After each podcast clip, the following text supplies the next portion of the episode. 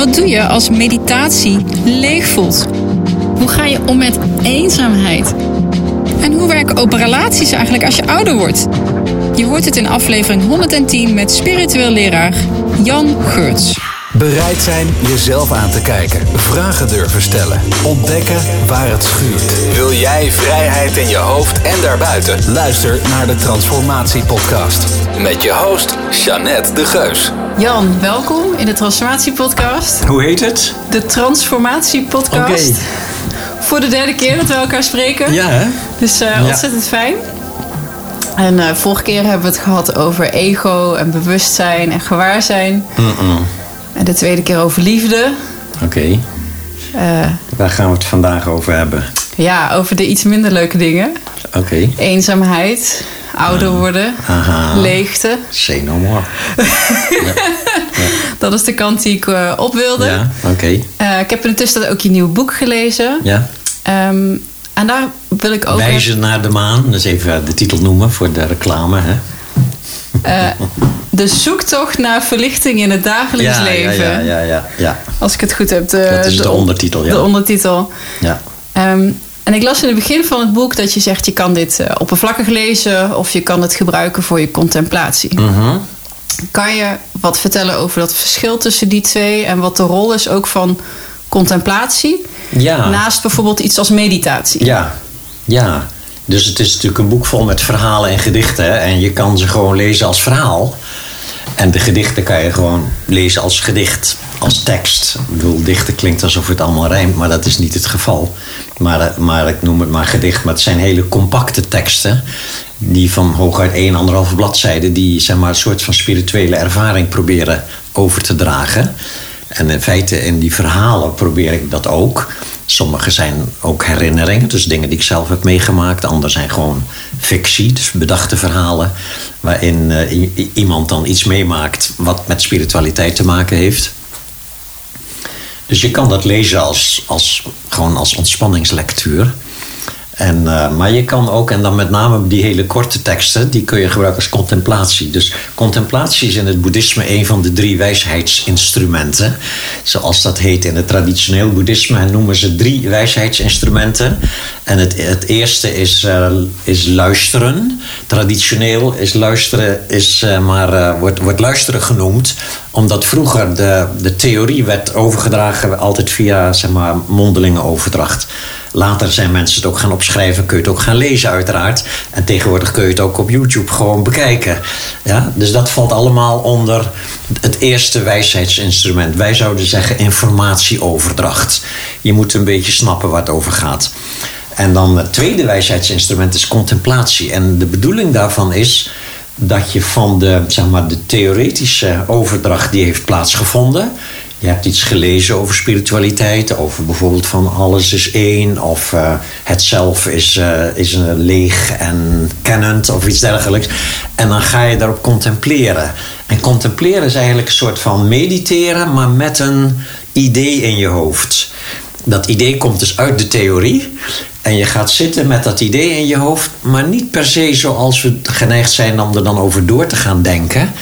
Maar alleen maar als het ware aanwezig zijn bij dat concept, bij, dat, bij die gedachte van alles is met alles verbonden, of de gedachte, alles verandert, er is niets wat blijvend is.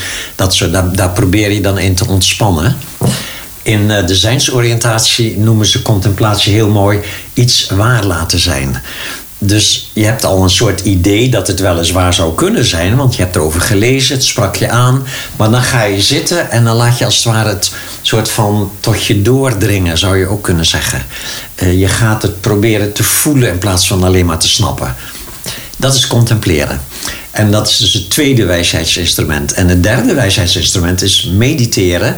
Maar dan wel de, zeg maar de, de hogere vorm van mediteren. Waarbij je alleen maar zo bewust mogelijk ervaart wat je ervaart. Zonder daar iets aan te veranderen.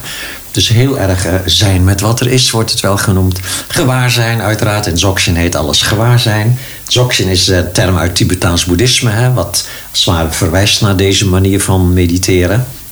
Dus dat is het derde wijsheidsinstrument. Dus eerst moet je het snappen en, en informatie hebben. Dan moet je die informatie als het ware tot je door laten dringen. En vervolgens kun je gewoon zitten en kijken naar alles wat er is, zonder daar iets aan te veranderen. En je zegt een uh, hogere vorm van meditatie. Wat zou daar dan onder oh, vallen? de lagere vormen van meditatie. En lager is hier niet denigrerend bedoeld, want ze zijn allebei nodig. Maar dat is dat je ook in je geest als het ware dingen manipuleert.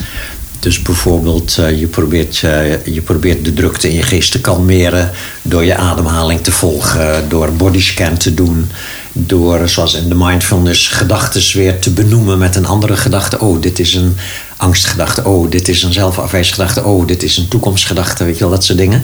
Dat benoem je de gedachten, een hulpmiddeltje. Dus al die hulpmiddelen, mantra reciteren is ook iets van, je geeft je geest iets te doen. Iets heel simpels. Een klank die je alsmaar herhaalt. Ja, ehm, een, een boeddha visualiseren bijvoorbeeld, ook zo'n een hulpmiddel. Dat zijn dingen die je doet in je geest. Dat zijn als het ware de ondersteuningsmethoden. En de essentie van meditatie is gewaar zijn van alles wat er is.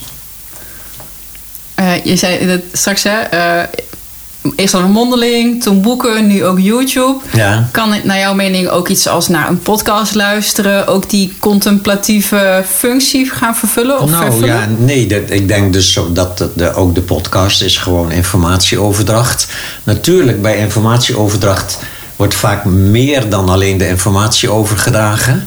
Uh, gewoon door de manier waarop ik erover vertel en de manier waarop jij de vragen over stelt en eventueel de sfeer die wij hier samen dan neerzetten.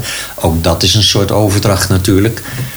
Uh, maar formeel is contempleren is gewoon wel weer in je eentje zitten en je radio uit, je tv uit, weet je wel, alles uit en gaan zitten eventueel nog een klein stukje tekst lezen om jou te herinneren aan. Of eventueel een stukje podcast kijken of wat dan ook. Ja. ja en dan uitzetten en zijn met wat er op dat moment dan in jou leeft. Als gevolg van dat kijken naar of lezen van dat stukje spirituele input. En die associaties die ons hoofd dan onherroepelijk onze kant op gooien. Ja, allerlei dingen die dan erbij denken, die ook- laat je los. Als Ja. Daar ga, je te veel, die ga je niet te veel in mee. Niet bestrijden, maar ook niet in meegaan. Eh, je noemt het woord hè, overdracht. Dat was ook een vraag die ik had. Van wat is het belang van een leraar in, in fysieke aanwezigheid, in overdracht, op je, in je spirituele Ja. eh, pad? Ik denk dat het wel. eh, ik heb het altijd erg behulpzaam gevonden. Ik heb heel veel gehad aan de aanwezigheid, het aanwezig zijn bij leraren. Omdat je dus ook inderdaad iets meer overgedragen krijgt dan alleen maar de tekst. Dan, dan alleen maar de, de sec, de info. En dat is dus toch gewoon de uitstraling die ze hebben. Ehm, eigenlijk de meest pure vorm is als de leraar zijn mond houdt. En, maar je hebt wel oogcontact, of je hebt een, in ieder geval een soort van aanwezigheid met een leraar. Als die leraar dan zeg maar, in zijn meest zeg maar, natuurlijke staat van zijn ontspant en je zit daarbij en je probeert ook als het ware niet te, te veel na te denken over wat er verteld wordt en je probeert ook te ontspannen, dan heeft er ook een soort overdracht plaats.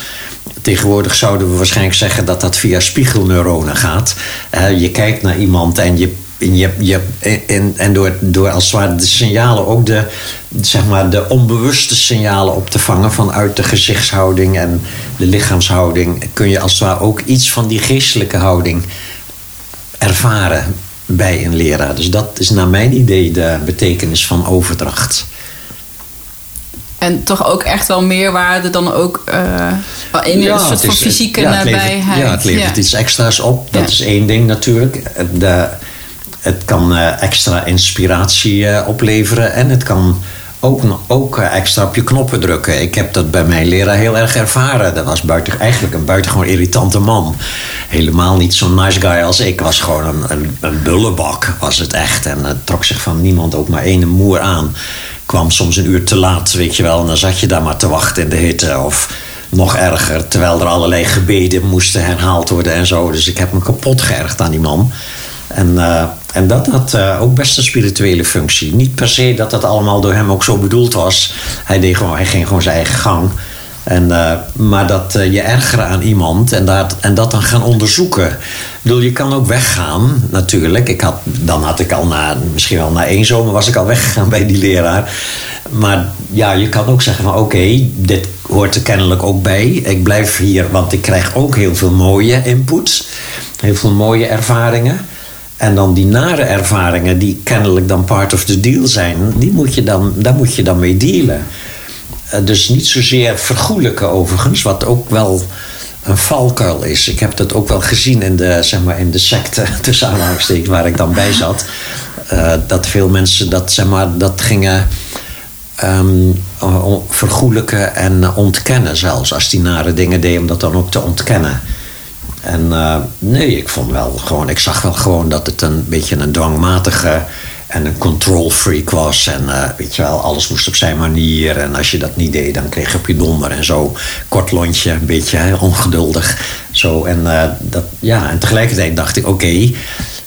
Maar het is mijn probleem dat ik hier zeg maar, zit. Hoe kan ik hier het beste mee dealen? Nou, de spirituele manier is om irritatie dan te herkennen als iets wat in je eigen geest zich afspeelt. Ik bedoel, de aanleiding is natuurlijk wel iets wat zeg maar, werkelijk gebeurt. Dus daar zit ook die valkuil van ontkennen. En nee, de aanleiding kan echt zijn dat iemand zich zeg maar, onheus gedraagt.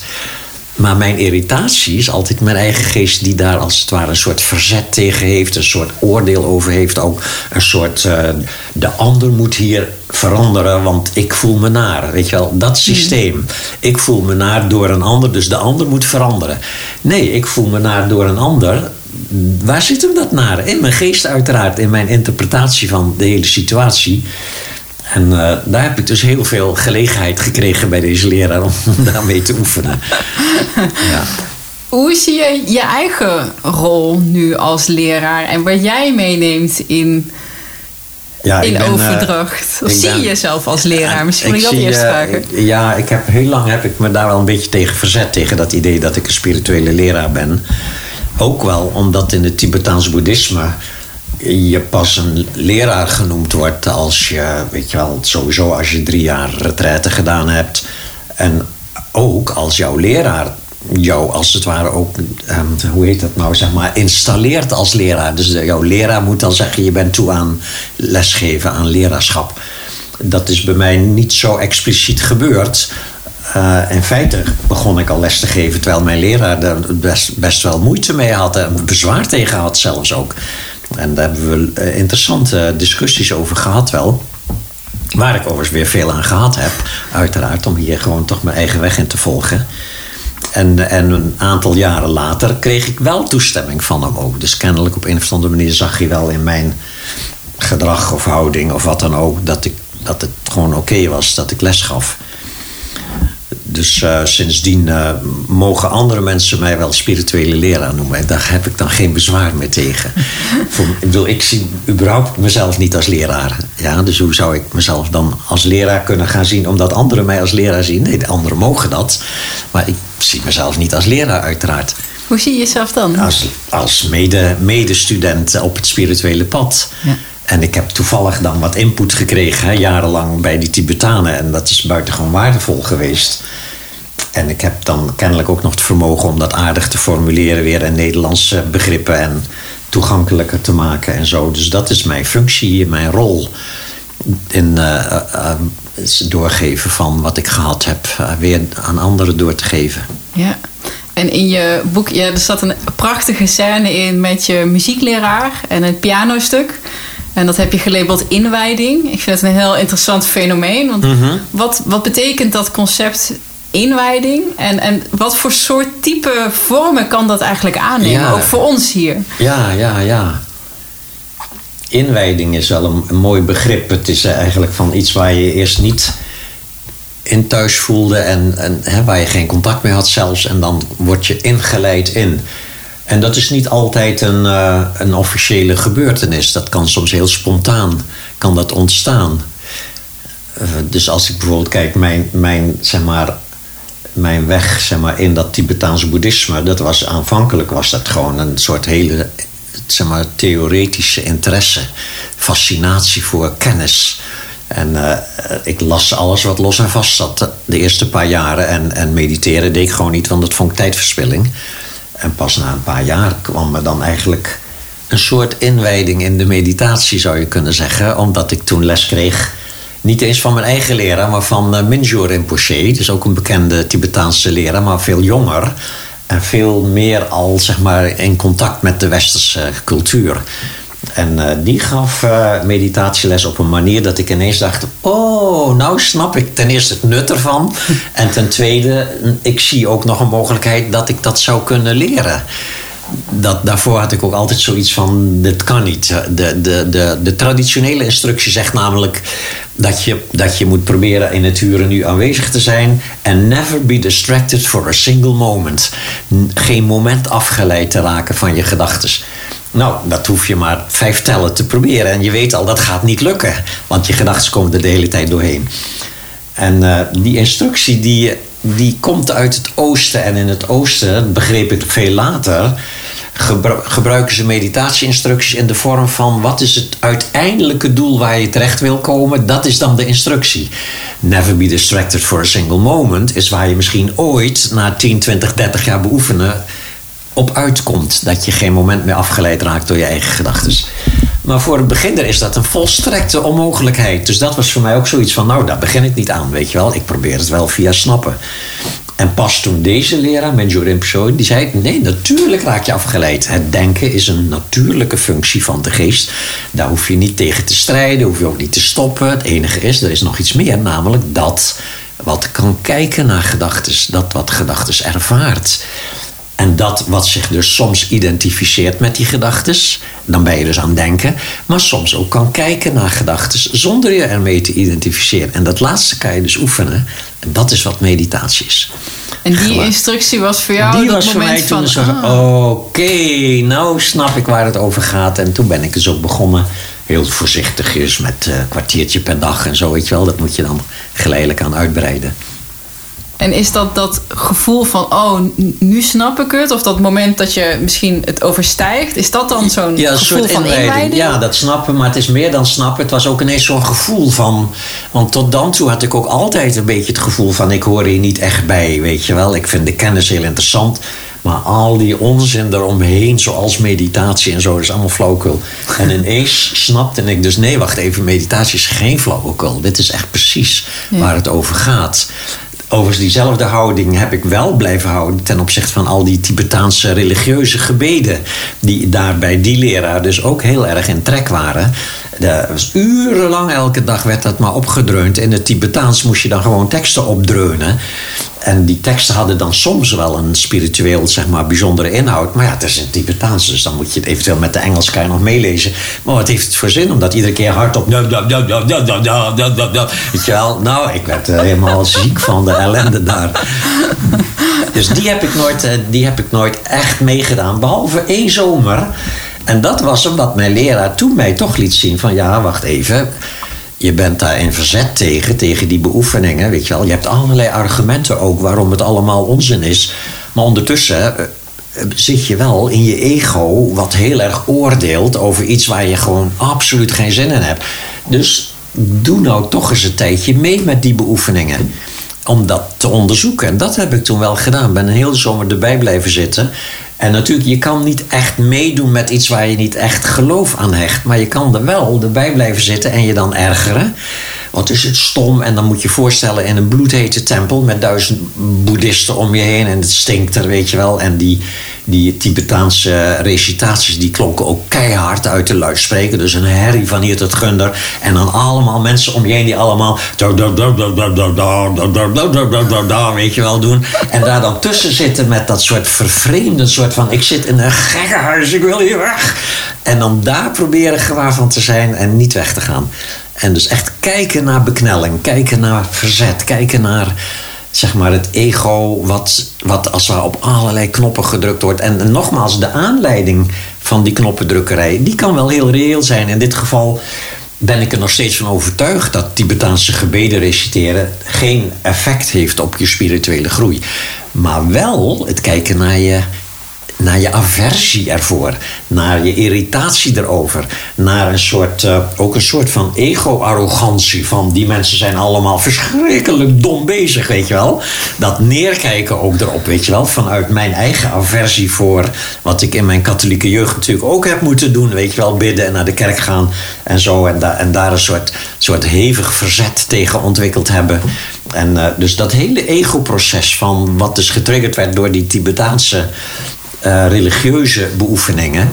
En eh, die toch wel heel erg hebben bijgedragen aan, zeg maar, aan, aan, mijn spirituele groei. Maar niet door de beoefening zelf, maar door de irritatie die het in mij opwekte. Te proberen als het in mijn geest op te lossen. En niet iedere keer door gewoon heel erg hard weg te lopen En- van die beoefeningen.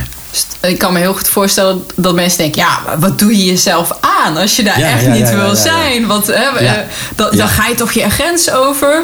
En wanneer beslis je dan: oké, nu is het echt te veel of dit is, valt nog denk, onder eh, beoefening? ik denk dat eh, als, als, zeg maar, als je een nare situatie.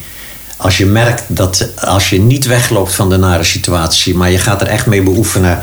En het lukt je ook. Dat is wel een belangrijk criterium. Het lukt je en niet meteen. Dat betekent wel dat je een tijdje moet volhouden. Maar als je merkt dat daar, dat daar iets zinnigs in zit. Dat je merkt dat je inderdaad je geest beter leert kennen. Dat je inderdaad gaat zien van wat is verzet eigenlijk. Weet je wel, dat je dat herkent. Van dat je hele lijf zich als het ware samenkrampt tegen een bepaalde ervaring die er op dat moment is. En dat ego's neiging altijd is om dan weg te lopen van Ja. die ervaring. Of de aanleiding, dus die andere mensen bijvoorbeeld, die moeten daarmee ophouden. Dat, en dat is natuurlijk een egomechanisme wat het probleem zelf altijd in stand houdt. Dus eh, ik heb wel een soort gouden re- regel hierin. Als het je niet lukt om een probleem in je geest op te lossen, dan moet je het wel buiten je geest oplossen. Want soms blijven mensen in een soort tussenstaat hangen. Het lukt hun niet, dus ze blijven bekneld, maar ze mogen van zichzelf ook niet weglopen, want dat is niet spiritueel. Ja. Dan zit je, eh, maar dan is het je spiritueel correcte ego, wat als het ware jou in een soort, soort double bind beklemming houdt. Dus dat moet je dan wel herkennen. Ja. Fijn. Ja, ja. Waardevol, dankjewel. Ja, en dat gebeurt natuurlijk ook in de praktijk. Ik krijg best wel regelmatig mailtjes van mensen. Meestal gaat het dan om relatiecrisissen. En dan krijg ik een mailtje van een mevrouw bijvoorbeeld. Die zegt van ik vind het hartstikke mooi wat je schrijft. En ik ben ook helemaal geïnspireerd door dat idee dat je elkaar vrijlaat. En dat je als het ware elkaar helpt ook om dingen te onderzoeken die voor jou van belang zijn. Maar weet je wel, mijn man komt thuis en heeft iemand ontmoet waar die iets mee wil uitzoeken. Weet je wel. En ik zou het hem graag gunnen, alleen ik kan het niet. Ik word zo jaloers en zo pissig, voel me zo onzeker. En dan ga ik het op hem afreageren. En hij wordt dan weer pissig over op mij natuurlijk. En, dan, en wat moet ik doen, weet je wel? En dan, soort van, dan, dan zit iemand dus knel in die van... ik kan het niet oplossen met mijn geest... maar ik mag het eigenlijk ook niet oplossen buiten mijn geest... want dat is weglopen van het probleem. Nee, dat is niet weglopen van het probleem. Dat is als het ware erkennen dat je nog niet verlicht bent. Dat, dat is zeg maar het, de, een van de vele valkuilen als je eenmaal geïnspireerd bent door een boeddhistische visie of überhaupt een spirituele visie. Dat je omdat, vanaf dat moment gaat proberen om aan die visie te voldoen. Maar dat is het ego weer. Die moet voldoen aan regels. Alleen de regels zijn nu veranderd naar spirituele regels. En dan mag je niet meer boos zijn op je buurman. Dan moet je met compassie naar hem kijken, weet je wel. Maar fuck you, als de buurman jou boos maakt, dan moet je gewoon boos mogen zijn. Ja, en het punt waar je natuurlijk veranderd is, dat je dan vervolgens die boosheid niet weer op de buurman projecteert, maar dat je hem probeert zelf op te lossen. Lukt dat niet om dat in je geest op te lossen, dan moet je met die buurman gaan praten en zeggen van buurman, dit werkt voor mij niet. Weet je wel, we moeten hier eens op vinden. Een aantal van de vragen die ik had, die zijn trouwens door eh, luisteraars van mij naar me gestuurd. Van, Ja. oh, je gaat weer met Jan. En Ja. eentje haakte heel mooi op aan. Ja. Bijna hetzelfde. Een eh, dame die zegt, joh... Elke keer als mijn partner over zijn verleden begint... dan zitten heel veel vrouwen in... Wat moet ik met al die emotie? Ik wil het wel, Ja. maar ik krijg het niet. En eigenlijk is dit Ja. daar dan denk ik Ja. het antwoord ook op. Behalve dan dat zijn verleden Dat- dat totaal zijn niet te veranderen in het is. verleden en we gaan ervan uit dat het dan in het heden niet meer speelt. En zij wil dat niet horen, wat hij allemaal heeft uitgespookt in het verleden. Omdat dat bij haar, dus eh, op haar, eh, zeg maar, haar ego voelt zich dan onzeker. Ja. Eh, misschien wel minder, minder mooi of minder aantrekkelijk of wat dan ook dan al die fantastische vrouwen die hij al gehad heeft of zo. Ja, iets is het wat, wat dan dat triggert. Ja. Dus ja, dan, als, zij dit dus niet, als zij dit niet met haar geest kan oplossen. En eerlijk gezegd, veel mensen lezen wel de boeken daarover, maar gaan niet beoefenen. Ja. En menen dan dat ze het met hun geest zouden kunnen oplossen. Maar dat is natuurlijk echt soort van, eh, dat is eh, naïef. Eh, Je moet echt een hele tijd lang, elke dag, een aantal keren gaan zitten. TV uit, radio uit, telefoon uit. En dan met je eigen gedachten geconfronteerd worden. En daar dan proberen helder te blijven. Weet je wel, vriendelijk te blijven. Eh, je ergert je, je valt in slaap van verveling, weet je wel. En dat, dat mag, mag je allemaal voelen. Als je dat nooit geoefend hebt en dan op een dag gebeurt er iets naars in je leven. Zoals een, weet je wel, een man die dan allerlei, zeg maar, intieme dingen vertelt over zijn verleden dan, dan ja, dat mag nogal logisch dat je dan over je toeren raakt en daar niks mee kan. En dan moet je het dus buiten je geest oplossen. Je moet sowieso besluiten. Oh, je moet eerst erkennen. Oh, kennelijk kan ik dit niet met mijn geest oplossen. Dat is een indicatie. Ik moet dus kennelijk gaan oefenen. Ja, om dit wel met mijn geest te kunnen gaan oplossen in de toekomst. Maar nu kan ik het nog niet oplossen. Dat moet ik aanvaarden, niet veroordelen. Wat blijft er dan over? Ik moet met die man gaan praten over welke dingen wil ik niet liever niet meer horen. en dat mag je gewoon best wel vragen natuurlijk aan je partner. Van luister lieverd, ik weet dat je van vroeger allerlei dingen hebt, eh, hebt gedaan. En ik, weet je wel, ik hoop dat er leuke dingen bij waren. En misschien was het ook af en toe vervelend voor je. Zullen we dat onderwerp gewoon niet meer bespreken dan? Want telkens triggert dat bij mij heel veel onzekerheid en, en frustratie en boosheid of wat dan ook. Dus uh, als je dat dan kunt doen zonder die partner af te wijzen, dat is wel belangrijk. Want als je het brengt op een manier tegen die partner en zegt van, wat ben je toch ook eigenlijk een ongelofelijke hoerenloper, weet je wel. Fuck you, weet je wel. Ik wil het nooit meer horen. Dan zal die partner zich natuurlijk afgewezen voelen. En, en misschien zelfs op momenten dat hij de pest aan jou heeft, juist die dingen weer wel gaan delen. Ja, dus nee, als je zegt van nee, natuurlijk is helemaal oké, weet je wel. Dit is jouw verleden en daar heb ik niets mee te maken, ook niks over te zeggen. En het is door dat verleden waardoor je nu zo leuk bent als ik je vind, weet je wel. Dus niks verkeerds aan jouw verleden. Alleen telkens als ik het hoor, dan raakt het me op een pijnlijke manier. En ik kan er nog niet voldoende mee, mee omgaan zelf. Dus zullen we dit onderwerp dan afsluiten. Ja, niet meer over praten bijvoorbeeld. En als de partner dan. En dan en dan, niet, niet, en dan als verzoek, niet als bevel, weet je wel. En dan kan de partner zeggen: Oh, lief, het was helemaal niet mijn bedoeling om je overstuur te maken. Het zijn gewoon mijn, mijn herinneringen en ik deel ze af en toe omdat ik een soort van, weet je wel, wilde haren verhalen. Maar als het lastig voor jou is, dan, dan vertel ik ze wel niet. Zo zou dat kunnen ontstaan dan natuurlijk. Ja, en even terug naar de, of niet terug naar, naar de beoefening, de meditatie. Um, ik beoefen, maar ik lees ook nog steeds, uiteraard. Dat mag uh, ook blijven ja. hoor. Is niet zo dan als je eenmaal beoefent dat je niet meer hoeft te lezen. Nee, die input blijft ook nodig. En dan ja, lees je, uh, dan kom je bliss en extase tegen. Uh, en ook in jouw teksten. Maar wat nou als er in die momenten van beoefening in plaats van een fijn gevoel juist een verschrikkelijke leegte ontstaat of een soort van nou, existentiële crisis is zwaar mhm. overdreven, maar existentieel ongemak durf ik het wel te noemen. Mhm. Is dat iets wat je herkent? En, mhm. en, hoe, hoe kan je daarmee omgaan? Ja, dat, dat zijn dus ook, zeg maar, dat zijn meditatieervaringen. Mensen denken vaak dat het alleen de leuke dingen zijn, zoals ineens dat je je even helemaal kalm en rustig en blisvol voelt, of één met alles of wat dan ook. En dat zijn uh, ervaringen die komen en gaan en die vaak ook zeg maar, verward worden met realisatie. Maar realisatie is niet iets wat komt en gaat, maar wat geleidelijk aan groeit. Ervaringen, zoals zeg maar, één met alles voelen, weet je wel, dat komt en gaat. En je mag ervan genieten, maar je moet ze vooral niet beschouwen als een soort bewijs dat je er al bent. Gewoon genieten en loslaten. Maar je hebt dus ook meditatieervaringen die heel ongemakkelijk zijn. En dat is alleen al gewoon je te pletter vervelen, weet je wel. Dat is echt heel naar. En uh, of je uh, vreselijk onrustig gaan voelen door je eigen gedachten. En je gaan storen aan je eigen gedachtesirritatie. Dat is iets wat je gewoon regelmatig meemaakt.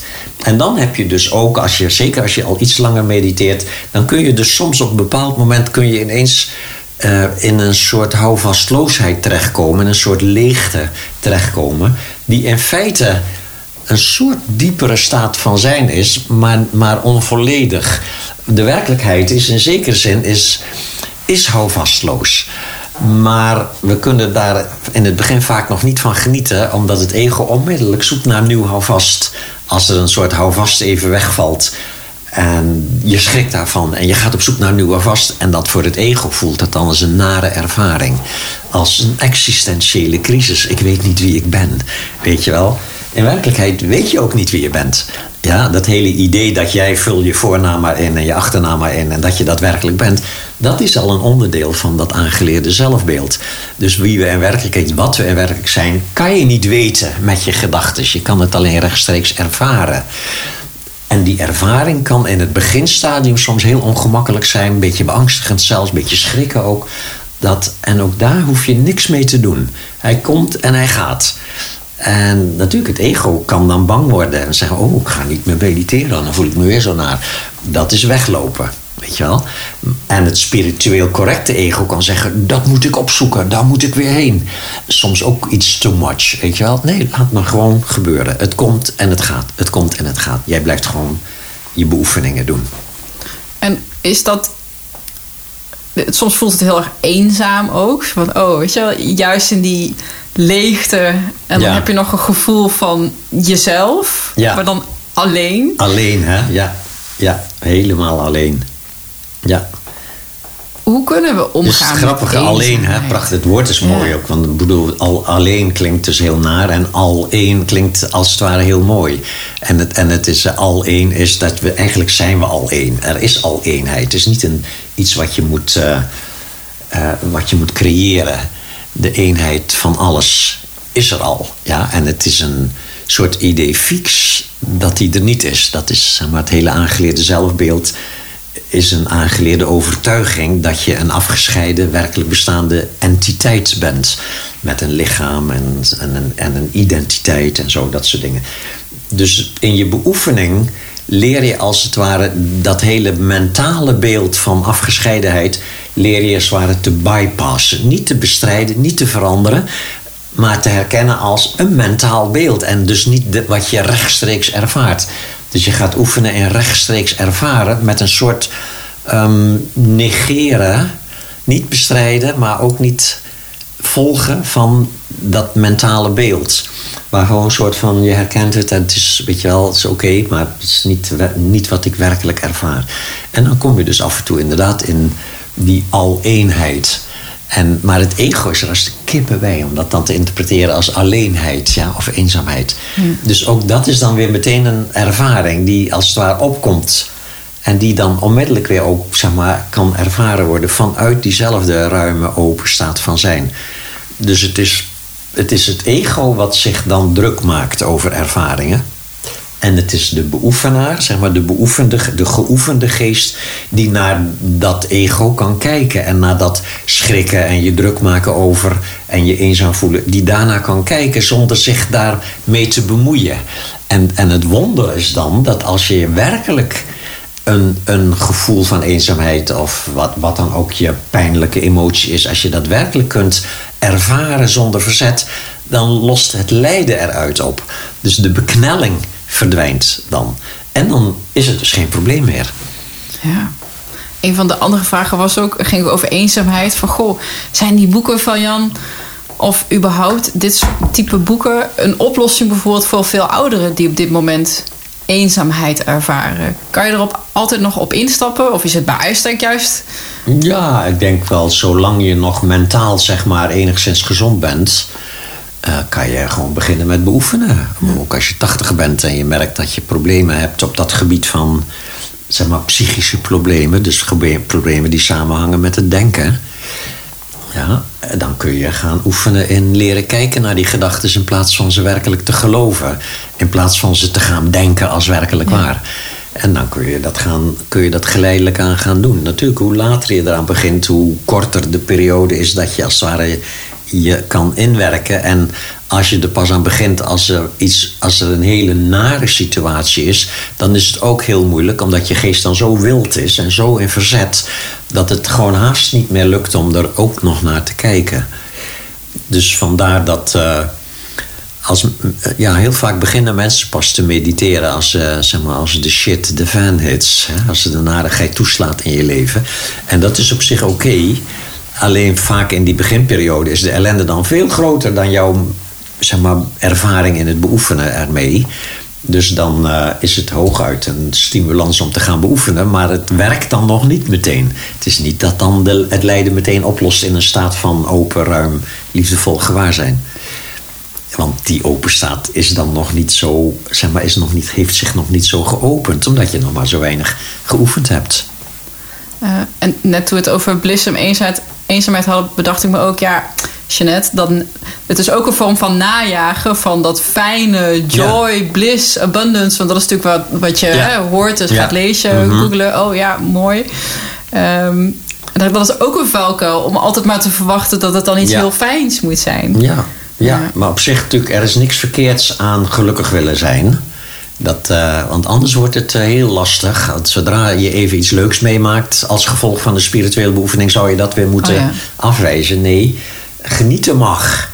Het, het, waar het probleem ontstaat, is niet zozeer dat er iets leuks gebeurt door je spirituele beoefening, maar dat het ego vervolgens die leuke gebeurtenis gaat beschouwen als een bewijs van je eigen waardevolheid op spiritueel gebied. Dus dan ontleen je er een status aan, een identiteit. Oh, ik ben nu toch wel aardig ver al op dit gebied, weet je wel. Als het je één keer lukt om een irritatie als het ware met een glimlach te laten oplossen. Oh, ik ben nu toch al behoorlijk gevorderd.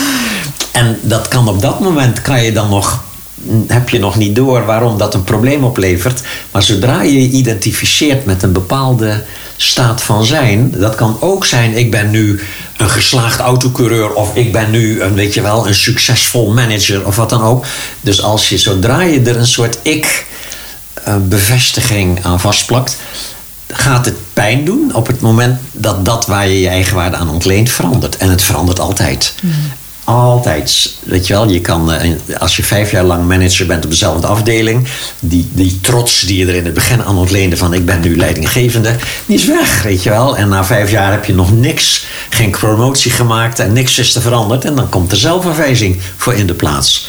Hetzelfde overigens in, in relaties ook. Weet je wel, in het begin kan je jezelf verschrikkelijk waardevol voelen. omdat die leuke buurman of buurvrouw jou zo lief vindt. Dat is, na een aantal jaar is het maar heel normaal. Ja. Weet je wel? En dan is er vaak ook weer iets nieuws nodig om weer dat soort eigenwaarde aan te ontlenen. Ja. En als dan die persoon waar je je eigenwaarde aan ontleent ineens andere opvattingen krijgt, of zelfs mee weggaat, dan, weet je wel, dan komt al het lijden aan de oppervlakte. Maar het is al gecreëerd op het moment dat je je hebt geïdentificeerd met een fijne ervaring. Dus genieten, oké, ook met die leuke man of vrouw, weet je wel, waar je het zo fijn mee hebt en liefde mee ervaart en zo allemaal. Genieten, prachtig mooi. Maar zodra je gaat denken, ik ben er, ik heb er, dit is het, weet je wel, daar begint zeg maar het, daar creëer je een oorzaak voor toekomstige ellende. Ja. Dus, dus in plaats van een fijne gebeurtenis te beschouwen als een bewijs van je eigen waarde, kun je oefenen in dankbaarheid. Het is een geschenk. Het is niet het resultaat van jouw bekwaamheid ergens in. Het is een geschenk. Mooi. En dan, weet je, en dan ga je genieten. Maar in het genieten zit al het loslaten. Zit al het bereid zijn om het ook weer kwijt te raken. Ja. Dat, en dan nog, als je het kwijtraakt, gaat het altijd ook pijn doen. Maar in die pijn zit dan niet meer een soort verzet. Dit had niet mogen gebeuren. Uh, dit is fout, weet je wel. Want dat voegt aan de pijn zoveel extra lijden toe. Dan zeg je, oké, na vijf jaar relatie en de partner gaat bij je weg, zeg je, het doet me pijn. Wel, ik had graag nog wat langer gewild, maar liefste, het is goed, weet je wel, het is jouw leven. Ik heb er niks over te vertellen. Ik hoop dat het goed met je gaat en dan kan je liefdevol loslaten. En dat scheelt toch een behoorlijke hoeveelheid uh, ellende in dat rouwproces daarna. Ja, kan me voorstellen. Um, ik heb recentelijk in mijn hele nou, nabije omgeving, ik denk heel veel mensen in het begin van corona met name, een hele grote angst voor de dood gezien. Heb je richting, tips. Nou, tips voor voor de dood. nou, tips, dat klinkt heel, heel ja. lullig. Zo van, nou ja, ja volg nee, mijn tien stappenplan uh, voor angst voor de dood. Ja, je ja. hebt er geen last meer van. Kijk, uh, het begint al met het aanvaarden. Hè? Dus dat af en toe wordt het getriggerd en dat je dan niet dat veroordeelt in jezelf. Het is de angst voor de dood. En sowieso angst is een van de moeilijkste gevoelens om als het ware bij aanwezig te blijven en niet onmiddellijk ervan weg te lopen of het te willen verdoven of wat dan ook. Dus dat vergt al enige beoefening. En dus daar begint het. Je mag bang zijn, weet je wel. Het hoort erbij. Het is helemaal oké ook. Het is niet zo dat als je spiritueel beoefent... dat dan dat soort gevoelens verdwijnen. Angst, eenzaamheid, zelfverwijking. Ze verdwijnen niet. Je gaat alleen steeds beter zien dat jij dat niet bent. En dat je je dus kunt toelaten en kunt ervaren zonder te verzetten. En het gevolg is dat het soms dan binnen een paar minuten of vijf minuten of wat dan ook, dan lost het ook op. Dus dat is wel mooi. Het gaat wel weg. Maar het is niet zo dat je het niet meer voelt. Je, het moet altijd eerst gevoeld worden voordat je het kunt overstijgen. Dat, en, en, en vaak denken mensen dat verlichting of realisatie, dat je dan gewoon dat soort dingen nooit meer hebt. Nee, ze komen allemaal, blijft gewoon doorgaan. Het ego blijft functioneren, maar hoe meer jij ziet dat jij dat ego niet bent, hoe minder je dus ook je bemoeit met dat ego en hoe sneller dus gevoelens kunnen doorstromen. Dat, hè, mensen noemen dat wel in de flow. Alleen vaak wordt dat beschouwd als alleen maar bij leuke situaties, maar je kunt ook bij nare situaties in een flow blijven. En het gewoon voelen. Oh, wat pijnlijk. Oh, dit is mijn eigen geest. Oh, geef niks maar best. Oh, laat me maar even bang zijn. Oh, daar gaat hij alweer. Oh, het is alweer weg. Weet je wel, zo. Nou, een beetje, zeg maar, wat sneller dan ik het persoonlijk meemaak. Overigens zeg ik het nu, want het duurt vaak wel iets langer. Want ik dacht ook, ja, uh, ouder worden en Ja. eh, angst voor de dood. Nou, Ja, ik dat, ben eh, gelukkig, duurt dat hopelijk bij mij nog vrij lang. Maar Ja, ja, nee, dat weet je natuurlijk niet. Eh, maar als je ouder wordt, komt die gedachte vaker op natuurlijk. Dat je aan het doodgaan bent. Ook al omdat je lichaam aan het aftakelen is en dat soort dingen. Dus ja, dus wat kun je daar tegenover stellen? Eigenlijk twee dingen. De beoefening is gewoon herkennen dat het een gedachte is.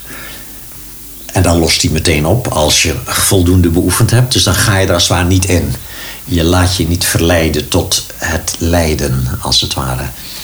Prachtige leuke zin, hè? Je niet verleiden tot lijden, weet je wel. Want het is het soort van, het lijden ligt als het ware te lonken. Wil je alsjeblieft geloven in deze nare gedachtes? Ja. En dan als je dat zodra gelooft, dan leid je ook inderdaad. Maar je kan ook zeggen, oh, wacht even, daar heb je weer, oh, dat is die gedachte weer van, oh, weet je wel, nee, wacht even, nu even niet. Dat is gewoon een mogelijkheid die je ontwikkelt door beoefenen. Dus dat is beoefenen. En dan natuurlijk, je kunt ook door, en dat is dan weer meer informatie en contemplatie. Dan ga je, oké, maar wat is doodgaan eigenlijk dan? En, en waarom zijn we daar zo bang voor? Eh, dat is natuurlijk ego. Het ego ontleent als het ware een soort identiteit aan alles wat hij heeft meegemaakt en wil die identiteit nooit meer kwijt. Ja, en doodgaan, dat is toch wel het soort ultieme identiteitsverlies. En daar is het ego dus bang voor. Dus als je dan gaat onderzoeken, oké, maar wie gaat er eigenlijk dood? En wie ervaart dat doodgaan? Dan, weet je wel? En dan kun je dus uiteindelijk niet alleen op grond van een soort theoretische overtuiging, maar ook echt in je beoefening kun je in contact komen met wat we dan de natuurlijke staat van zijn noemen. Maar dat is in wezen een staat die niet dood kan gaan. Het is als het ware een soort, een soort ruimte waarin dat ego zijn, zeg maar, zijn spel speelt. En waarin het lichaam geboren wordt en groeit en uiteindelijk weer doodgaat. Maar er is een soort van, ja, in boeddhisme heet dat dan gewaarzijn. Een soort van gewaarzijn wordt door veel westerse mensen beschouwd gewoon als een soort gedachte, als een vorm van denken. Maar nee, het is dat wat, wat gedachten kan waarnemen en dat wat percepties als het ware waarneemt. En wat zelf niet waarneembaar is. Gewaarzijn is zelf niet iets. Een van de belangrijkste beoefeningen in Dzogchen meditatie is ook dat je niet alleen gewaar bent van wat je ervaart, maar dat je ook gewaar bent van gewaar bent, van het gewaarzijn. En dat je gaat ontdekken dat dat gewaarzijn zelf geen vorm heeft. Geen afmeting, geen begin ook, geen eind ook. En omdat het dus niet iets is, kan het dus ook niet beëindigen, kan het niet ophouden, kan het niet doodgaan. Dus je zou kunnen zeggen: leven en dood, geboorte en sterven zijn verschijnselen. Waar vinden die in plaats? In gewaarzijn. Gewaarzijn blijft dus. En, en gewaarzijn is wat je werkelijk bent. Van is dat wat door jouw ogen naar buiten kijkt en door jouw oren de wereld hoort en door jouw lijf als het ware de wereld ervaart. Dat is gewaarzijn en dat gaat zelf niet dood. Dus naarmate je dat meer ook ervaart in je beoefening, kun je als het ware daar ook een soort toevlucht tot nemen. Op het moment dat die nare gedachten komen over je gaat dood, kun je als het ware je terugtrekken in die ruime open staat van zijn.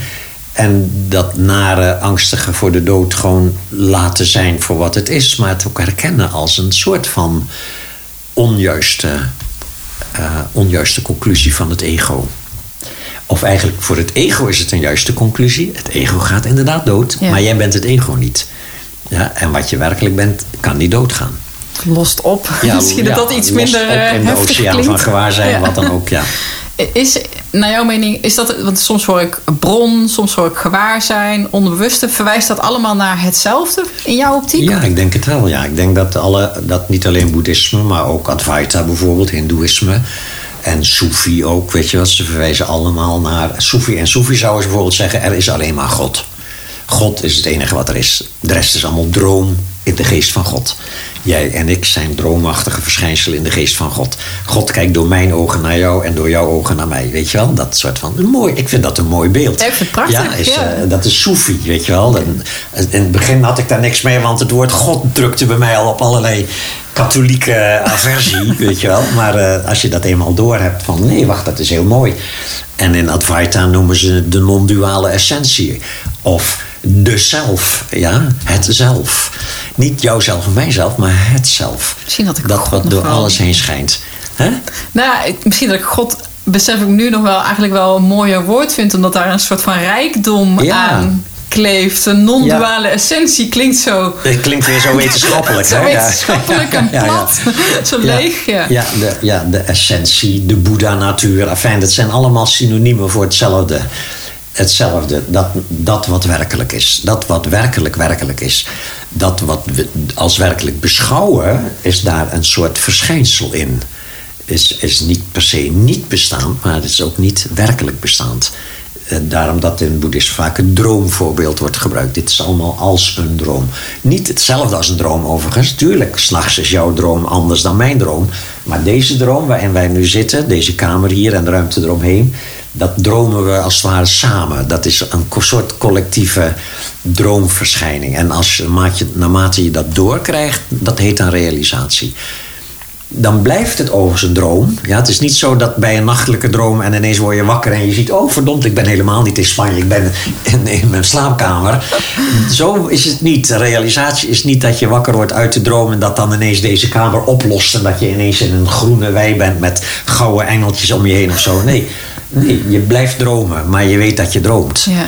En, en misschien heb je wel eens meegemaakt als je een nare droom hebt. En je wordt niet wakker, maar je beseft ineens dat je aan het dromen bent. Zonder wakker te worden, dan verdwijnt al het nare. Dan is er ineens niks naars meer in de droom. Dan is het ineens prettig, vrij, ehm, angstloos. Weet je wel? Omdat je ineens beseft, het is een droom. Het is niet echt. Ja. Ja. Oh, Eh, ja. Dat is een hele persoonlijke vraag. Eh, ik heb nu een eh, latrelatie, al langer, open relatie, eh, polyamoreus aan de andere kant. Voor mij is die gewoon open. Ja. Ehm, Je bedoelt, hij heeft nog een ander, maar Ja. jij niet. Ja. Ja, oké. ja. ja. Eh, prachtige ontwikkelingen meegemaakt. Ehm, het klinkt heel jong nog, maar ik ben half jaar terug 40 geworden. En op de een of andere manier is dat toch een soort van magische leeftijd waarop een aantal realisaties zoals een einde en een dood en voorbij komen. En ik merk dat ik me heel erg soort van zorgen maak. Zo, ja, dat is nu allemaal heel erg leuk. Dat ik drie dagen samen ben, vier dagen alleen ben. Maar straks word ik ouder of hulpbehoevend. En hoe ga ik dat dan doen? En hoe ga ik dan... Ga ik mezelf niet heel erg pijn doen... door dan eerst nog twintig jaar samen te zijn in deze vorm... en dan straks, omdat ik dan toch meer samen wil zijn... omdat ik dan niet misschien wel zeven dagen samen wil zijn... Ja. of vijf of zes Ja. of wat het dan Mhm. ook maar is... Ehm, dus eigenlijk is het gewoon één grote waas van hoe werkt dat dan met, met soort van dit soort relaties Mhm. op latere leeftijd, als we ouder worden, als het lichaam misschien wat af laat weten, als we gewoon wat meer behoefte aan contact hebben. Mhm. Vind ik zo'n Ja, ja. spannend iets wat, wat dan nog gaat komen. ja. Hoe, Terwijl hoe je- doe jij dat? Ja, terwijl je een soort van, oké, stel dat je allebei op een gegeven moment vindt dat het leuker is om zeven dagen in de week samen te zijn, waarom zou je dat dan niet gaan doen? Maar de angst is natuurlijk dat jij het nodig hebt en dat de ander het niet wil. Dat die denkt, oh, ik vind het eigenlijk wel lekker zo. Ja. Doe ik drie dagen daar, drie dagen Ja, daar. Ik ja, dacht voor mezelf, zo kan ik het tot het einde wel eh, Ja, ja, ja, volhouden. Dus dit is gewoon heel, heel herkenbaar. Dit is natuurlijk het ego wat zeg maar, de misvatting heeft dat je partner ook je mantelzorger is. Ja. Ja. Ja, toch? Ja, want Ja, dan, ja, je wil een partner om eh, dat iemand je, je, je pispot eh, leeggooit dan, omdat je het zelf niet meer kan of zo. Ja, ik noem maar, ja, gek Ja, bizar eigenlijk, weet je wel. Waarom zou je daar een partner voor moeten hebben? Dat, hè? Of eh, waarom zou je dan eenzamer zijn in die drie dagen dat je alleen bent dan nu? Terwijl je nu het redelijk leuk vindt, waarschijnlijk, neem ik aan dan. Hè? Ja, ja, ja. Je zegt van, oh fijn, weet je wel, samen zijn is heel leuk... maar ik ben ook echt blij om weer alleen te zijn. Oh, nee, absoluut. Ja. En dus eigenlijk denk je alleen maar aan een soort eh, allerlaatste behoeftige fase. Ja, ja. Dat. En waarom zou je partner daarvoor moeten opdraaien? Waarom zou je niet veel liever een paar keer in de week een liefdevolle partner aan je bed hebben, maar het, maar het shitwerk gewoon door, weet je wel, wat dan ook, betaalde krachten of man- andere mantelzorgers desnoods of zo, gewoon wat er op dat moment zich aandient. Dan hou je die relatie zuiver. In feite Ja. is dat wat je nu ook al probeert. Ja, ja. De relatie zuiver te houden. Weet je wel? Zuiver van eh, verplichtingen. En natuurlijk, heel veel mensen gaan zeggen: ja, maar verplichtingen hoort er toch echt bij? Dat is toch geen vrijheid, blijheid? Nee, het is niet vrijheid in de zin van vrijblijvendheid.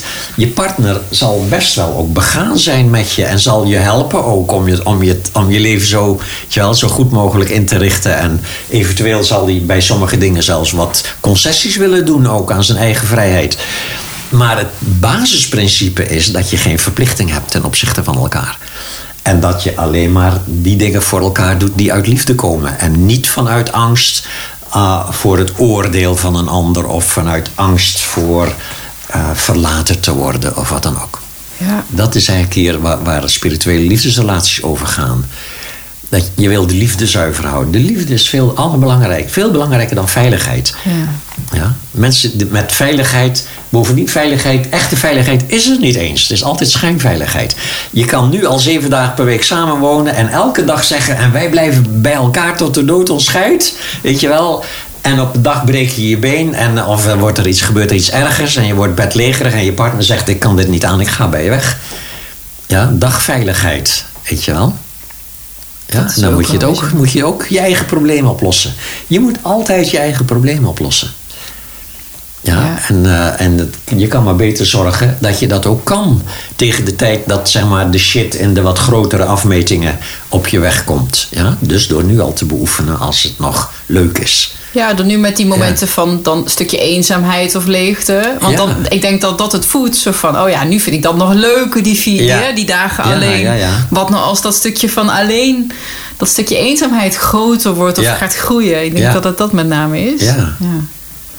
Ja, en eenzaamheid, echt, het is, eh, het is een nare gedachte. En meer is het niet. Ja. Het is altijd eh, iets wat je jezelf... eh, het is self- self-inflicted, zeggen ze in het Engels. Een, een, zelf, een door jouzelf gecreëerde beknelling.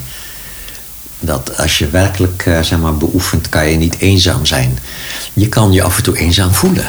Ja, maar dan mag dat. Dan is er geen probleem. Dan is het een, een bijna zelfs een soort prettig melancholisch gevoel. Een soort van, weet je wel, een soort van ouder worden. En je hebt dan bepaalde herinneringen en dat komt nooit meer terug. En dan kan je een beetje weemoedig worden. En dan zet je een prettig muziekje erbij op en dan ga je gewoon even een half uurtje weemoedig zijn. En eventjes dingen uit het verleden missen of...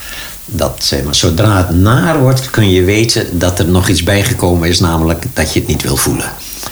De naarheid ontstaat nooit in het gevoel zelf, maar in het niet willen voelen van dat gevoel.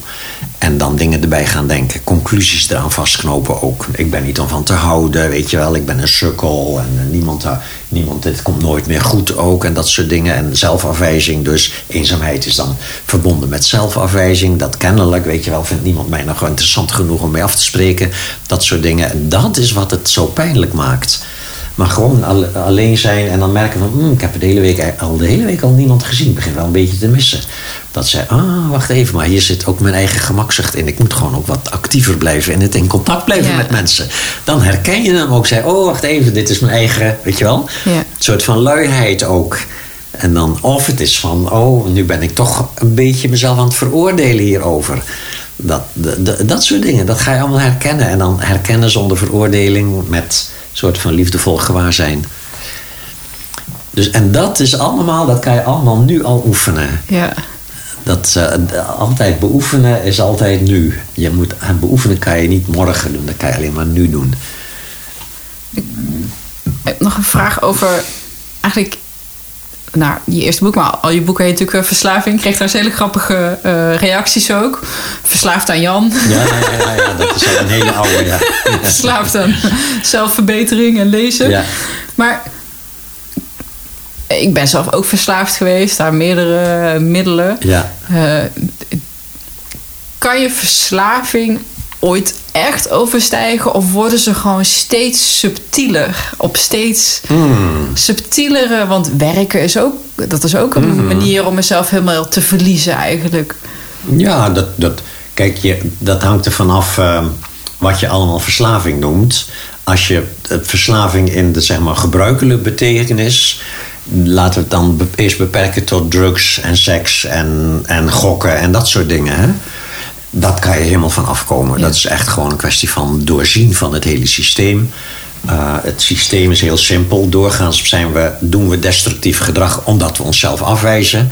De gebruikelijke manier om met een verslaving op te houden is vanuit zelfafwijzing. Wat stom dat je blijft roken. Je gaat er dood aan. Je bent een rund. Je bent een slappeling. Weet je wel. Stoppen ermee. En dan ga je in verzet tegen je verslaving.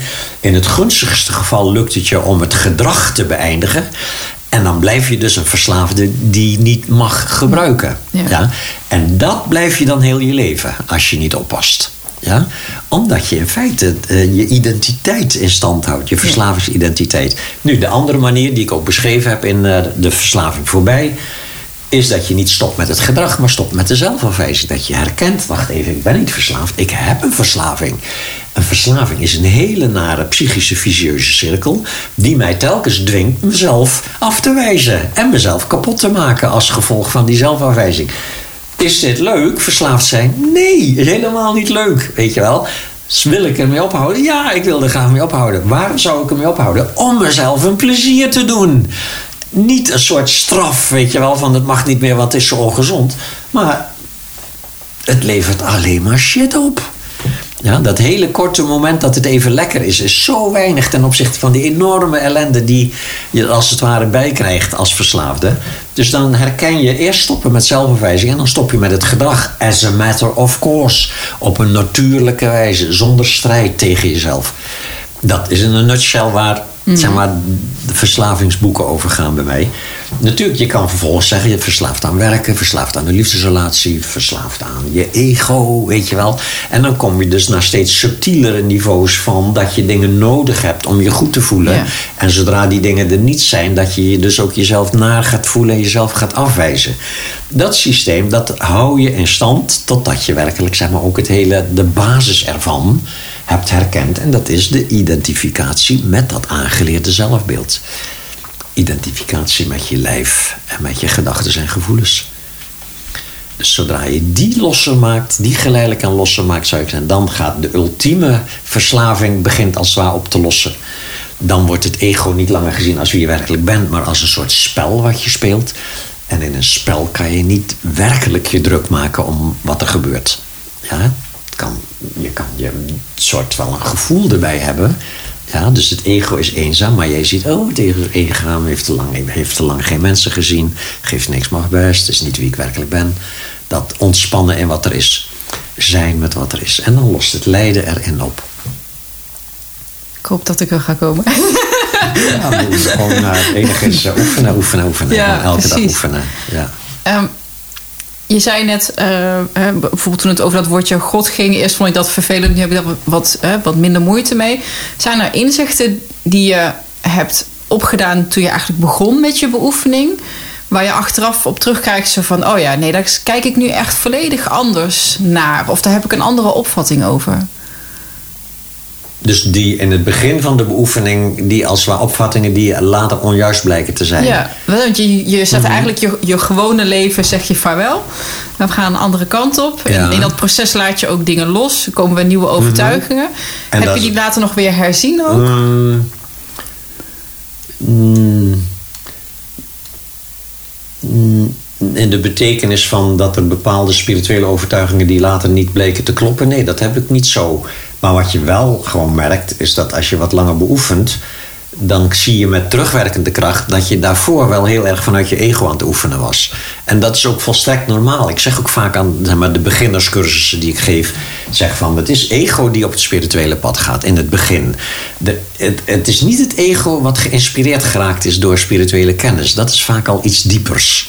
Iets diepers, ja, stel je voor, voor een bepaald boek lezen of een bepaalde leraar zien op YouTube, wat dan ook.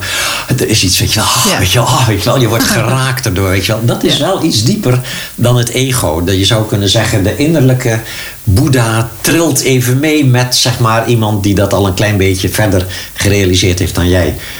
Maar dan, meteen daarna, is het het ego wat zegt: Dit wil ik ook, weet je wel, dit wil ik ook, weet je wel. En dan kan het zijn van: Dit wil ik ook, liefdevolle relaties, maar toch vrij blijven, weet je. Oh, dit wil ik ook, geen last meer hebben van eenzaamheid, weet je wel. En dan gaat het ego gaat mediteren. Ja, en dan ga je zitten en dan ga je je best doen om liefdevol te zijn en om, om je geest te kalmeren en zo. En dat hoort er helemaal bij. Dat kan je niet overslaan. Dus het is het ego wat op het spirituele pad gaat en een tijd lang dus zijn best aan het doen is om verlichting te bereiken. En aldoende komt het er geleidelijk aan achter dat wie is hier eigenlijk zijn best aan het doen om verlichting te bereiken? Wacht even, maar dat is niet wie ik werkelijk ben. Want ik heb inmiddels nu zo lang al gekeken ook naar die gedachten en die gevoelens, dat ik geleidelijk aan in contact kom met dat wat kan kijken naar gedachten en gevoelens.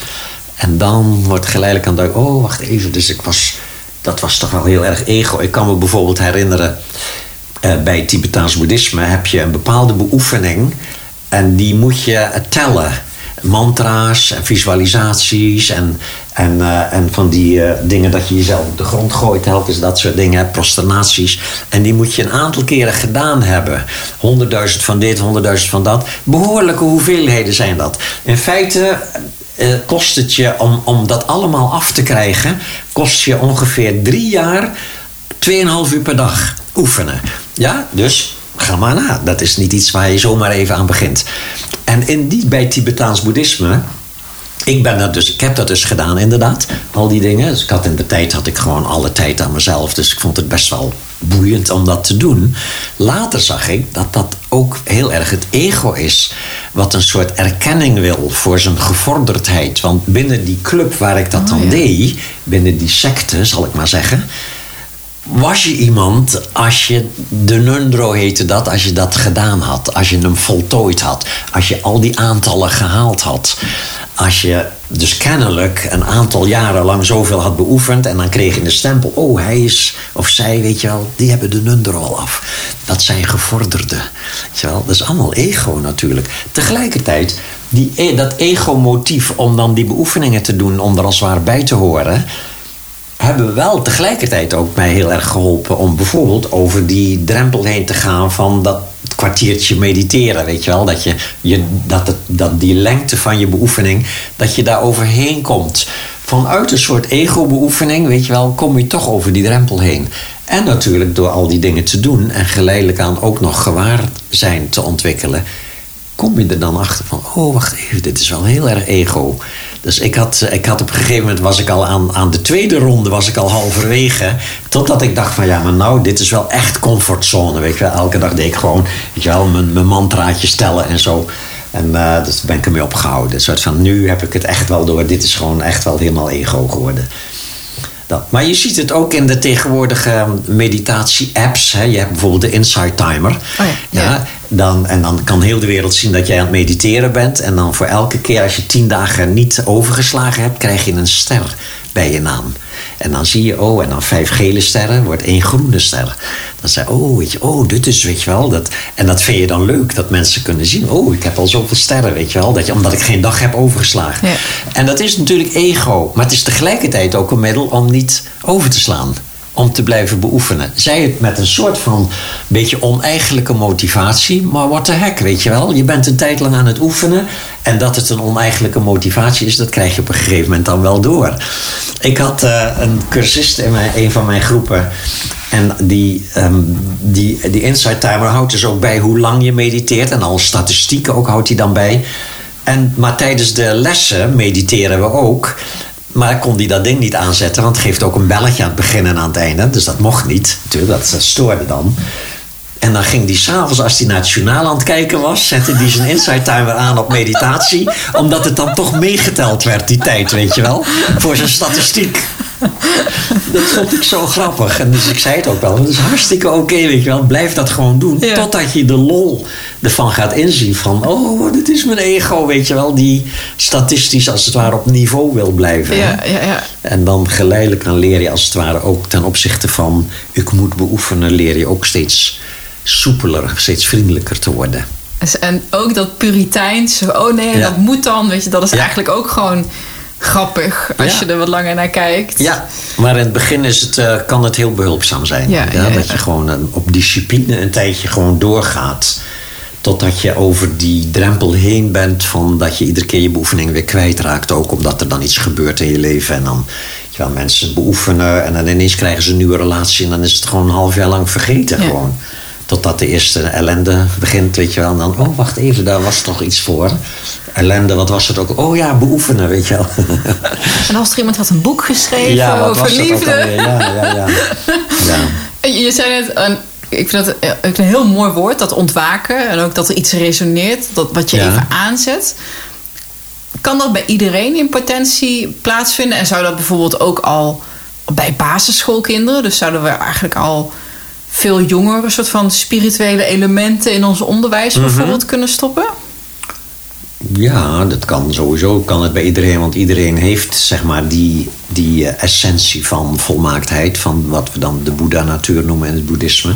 Iedereen heeft die. Dus bij iedereen kan die geraakt worden.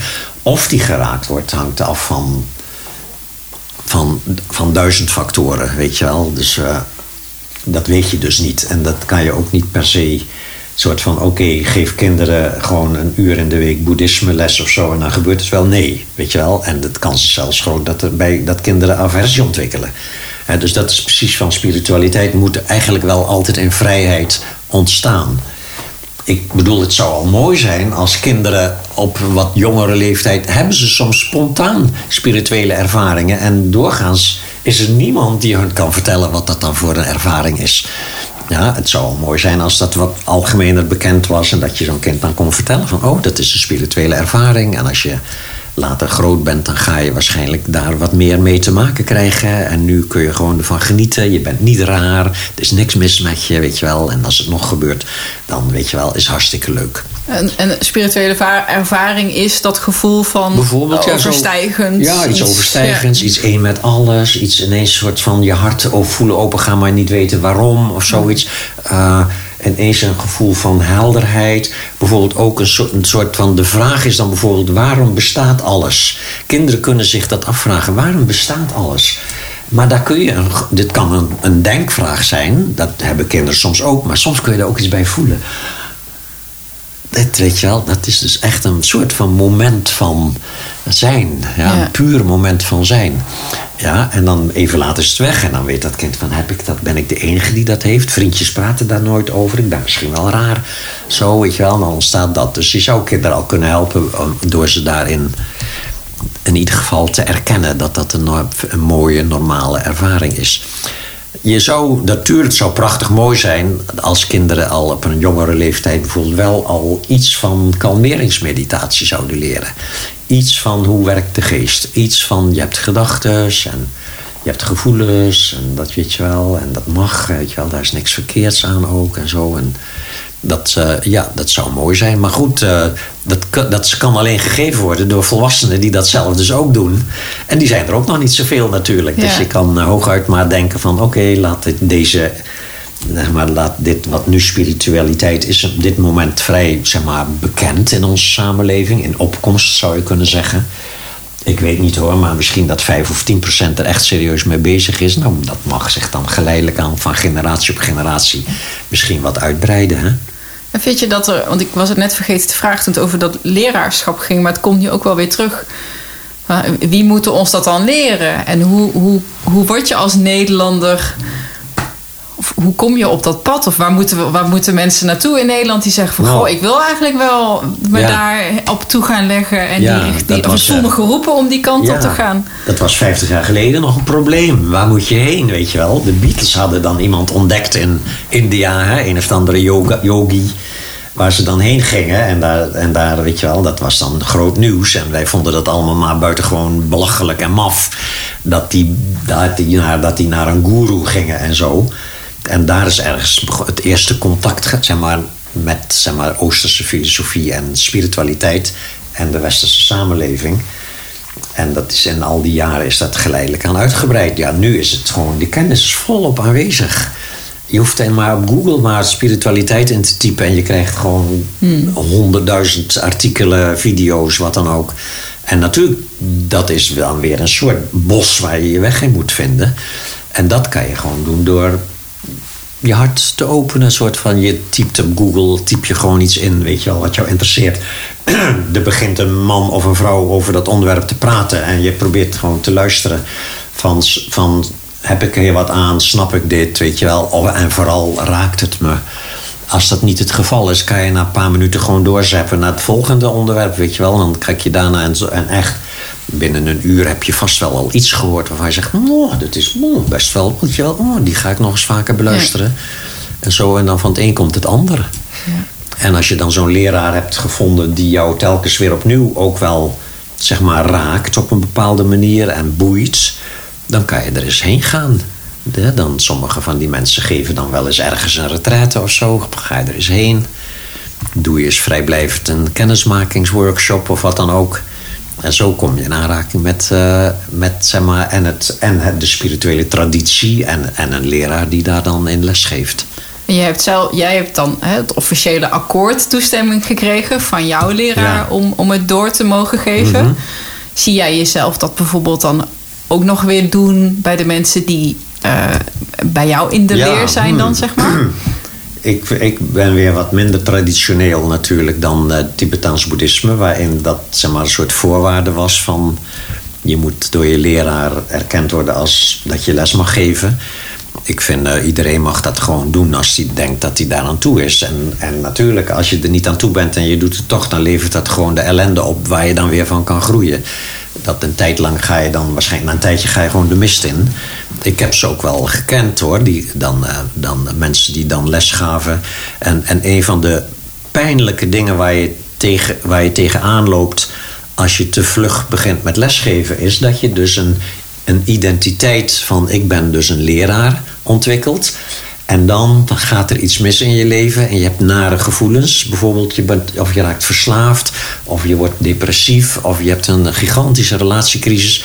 En dan vind je dus van jezelf dat je die nare gevoelens niet meer zou mogen hebben. Want ik vertel andere mensen hoe ze ermee moeten dealen en ik kan er verdomme zelf niet mee dealen, weet je wel. En dan, kom je, dan wordt de crisis extra diep, extra heftig. Ja, ik heb wel uh, leraren gesproken ook die bij me kwamen, bijvoorbeeld omdat ze uh, bekneld zaten in een verslaving.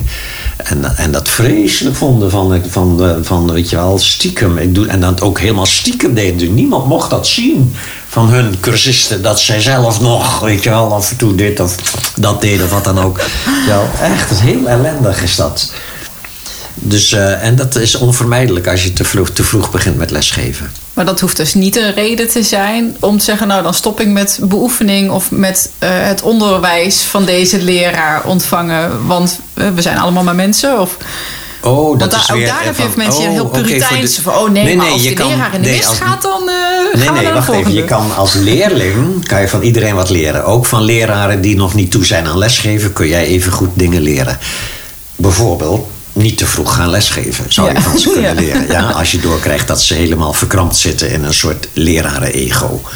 Ja, en, Ja. en bijvoorbeeld, eh, ja, gewoon dat, dat je, je kunt ook teleurgesteld raken in een leraar. Nu, op dat moment, als je voldoende beoefend hebt, dan herken je de, het lijden daaraan als je eigen geest zegt: Oké, de leraar is weliswaar fout hier. Mijn leraar is ook eh, later, zegt ze, is die beschuldigd van misbruik en zo.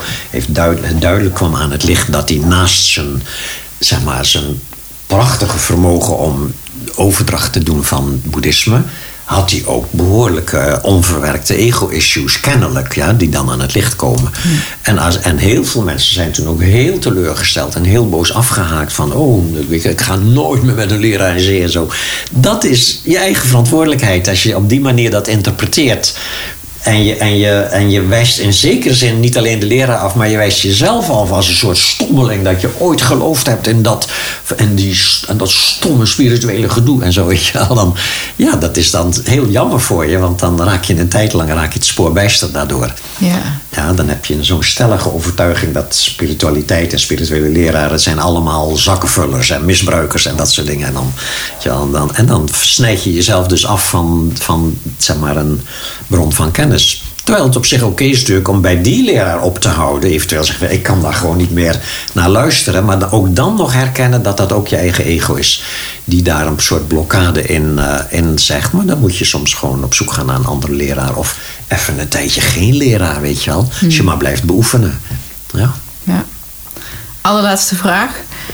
Uh, wat is jouw allergrootste trigger? Heb, of, heb, of zijn, Trigger zijn, voor ellende. Ja, voor jou. Oh, dat is, mijn, dat is mijn fysieke aftakeling.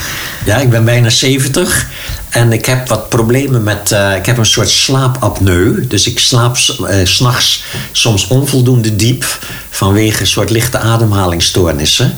En dat betekent dat je overdag vaak moe bent. En dat fluctueert dan ook. Dus dan zijn dan periodes, dan is het even heel erg erg. En dan sleep ik me door zo'n dag heen met, weet je wel, ogen die uit mijn kop vallen van vermoeidheid en zo. En dan, dat triggert bij mij echt hele nare gedachten. Echt gewoon een soort van, weet je wel. Dat is echt van, dat is mijn belangrijkste beoefening op dit moment, is dealen met aftakeling. En, en, dus, en dus ja, gewoon oefenen in ik mag me zo voelen, ik ben dat niet. En vooral de, de, de narigheid zit hem niet zozeer in de vermoeidheid, hoewel dat best wel lichamelijk wel behoorlijk inhakt, vermoeidheid. Maar de echte narigheid zit hem in nare gedachten die je er dan bij krijgt.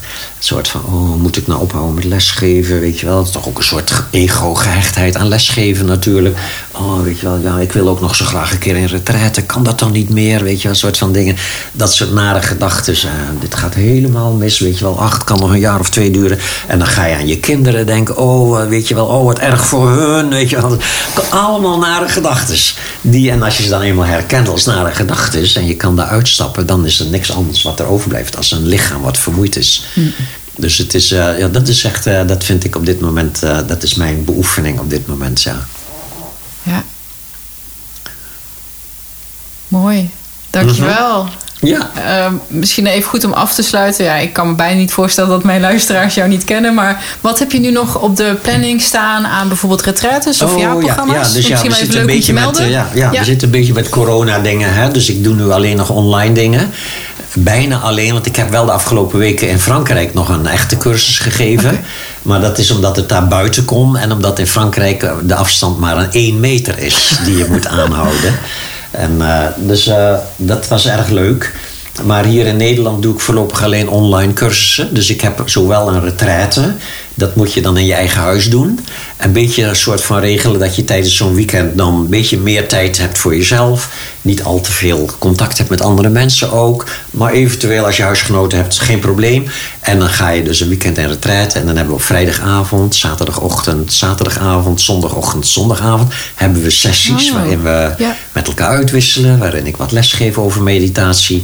Waarin je ook met groepjes deelnemers eventueel met elkaar kan uitwisselen. Waar je mee bezig bent, spiritueel gezien en zo. Dus uh, dat heb ik uh, een paar maanden geleden voor het eerst gedaan. En dat was, uh, werd heel enthousiast ontvangen. Dus dat is begin september geef ik er weer eentje. En verder heb ik gewoon mijn jaarcursussen. Hè? Dus dat zijn, dat was vroeger acht dagen met telkens een maand ertussen. Nu zijn het dertien geloof ik, of elf, ik weet niet meer precies. middagen met telkens drie weken ertussen. En dat is gewoon onderricht en uitwisseling en beoefenen in groepjes ook. En oefeningen doen in tweetallen. En uh, af en toe een videootje van een spirituele leraar en zo. Dus dat zijn, die geef ik al jaren, die jaarcursussen. Heb je eerste jaar, tweede jaar, derde jaar. Het is vooral ook om mensen aan het beoefenen te houden. Hè? Dat je één keer in de zoveel tijd als het ware een soort van uh, stimulans hebt om ermee bezig te blijven. Tussendoor zijn er oefengroepjes, kleine oefengroepjes, ook via Zoom nu, via ja, internet. Ja. Dus dus eh, dat is wat ik op het moment dus eh, aanbied. Prachtig. Ik, eh, ik, hoop dat het nog wat nieuwe deelnemers oplevert. Ja, wie weet. Ja, en als niet, dat is, dat natuurlijk ook goed. Ja. Zo Jan, dankjewel. Wederom. Ja, Jeannette, graag gedaan. ja. Met alle plezier. Ik vind het altijd leuk om hierover te, te vertellen. Nou, ik kom graag nog een keertje terug als ik weer nieuwe vragen, problemen tegenkom. Ja, is goed. Wil je meer Transformatiepodcast? Check Jeannette online. Ga naar transformatiepodcast.nl slash meer.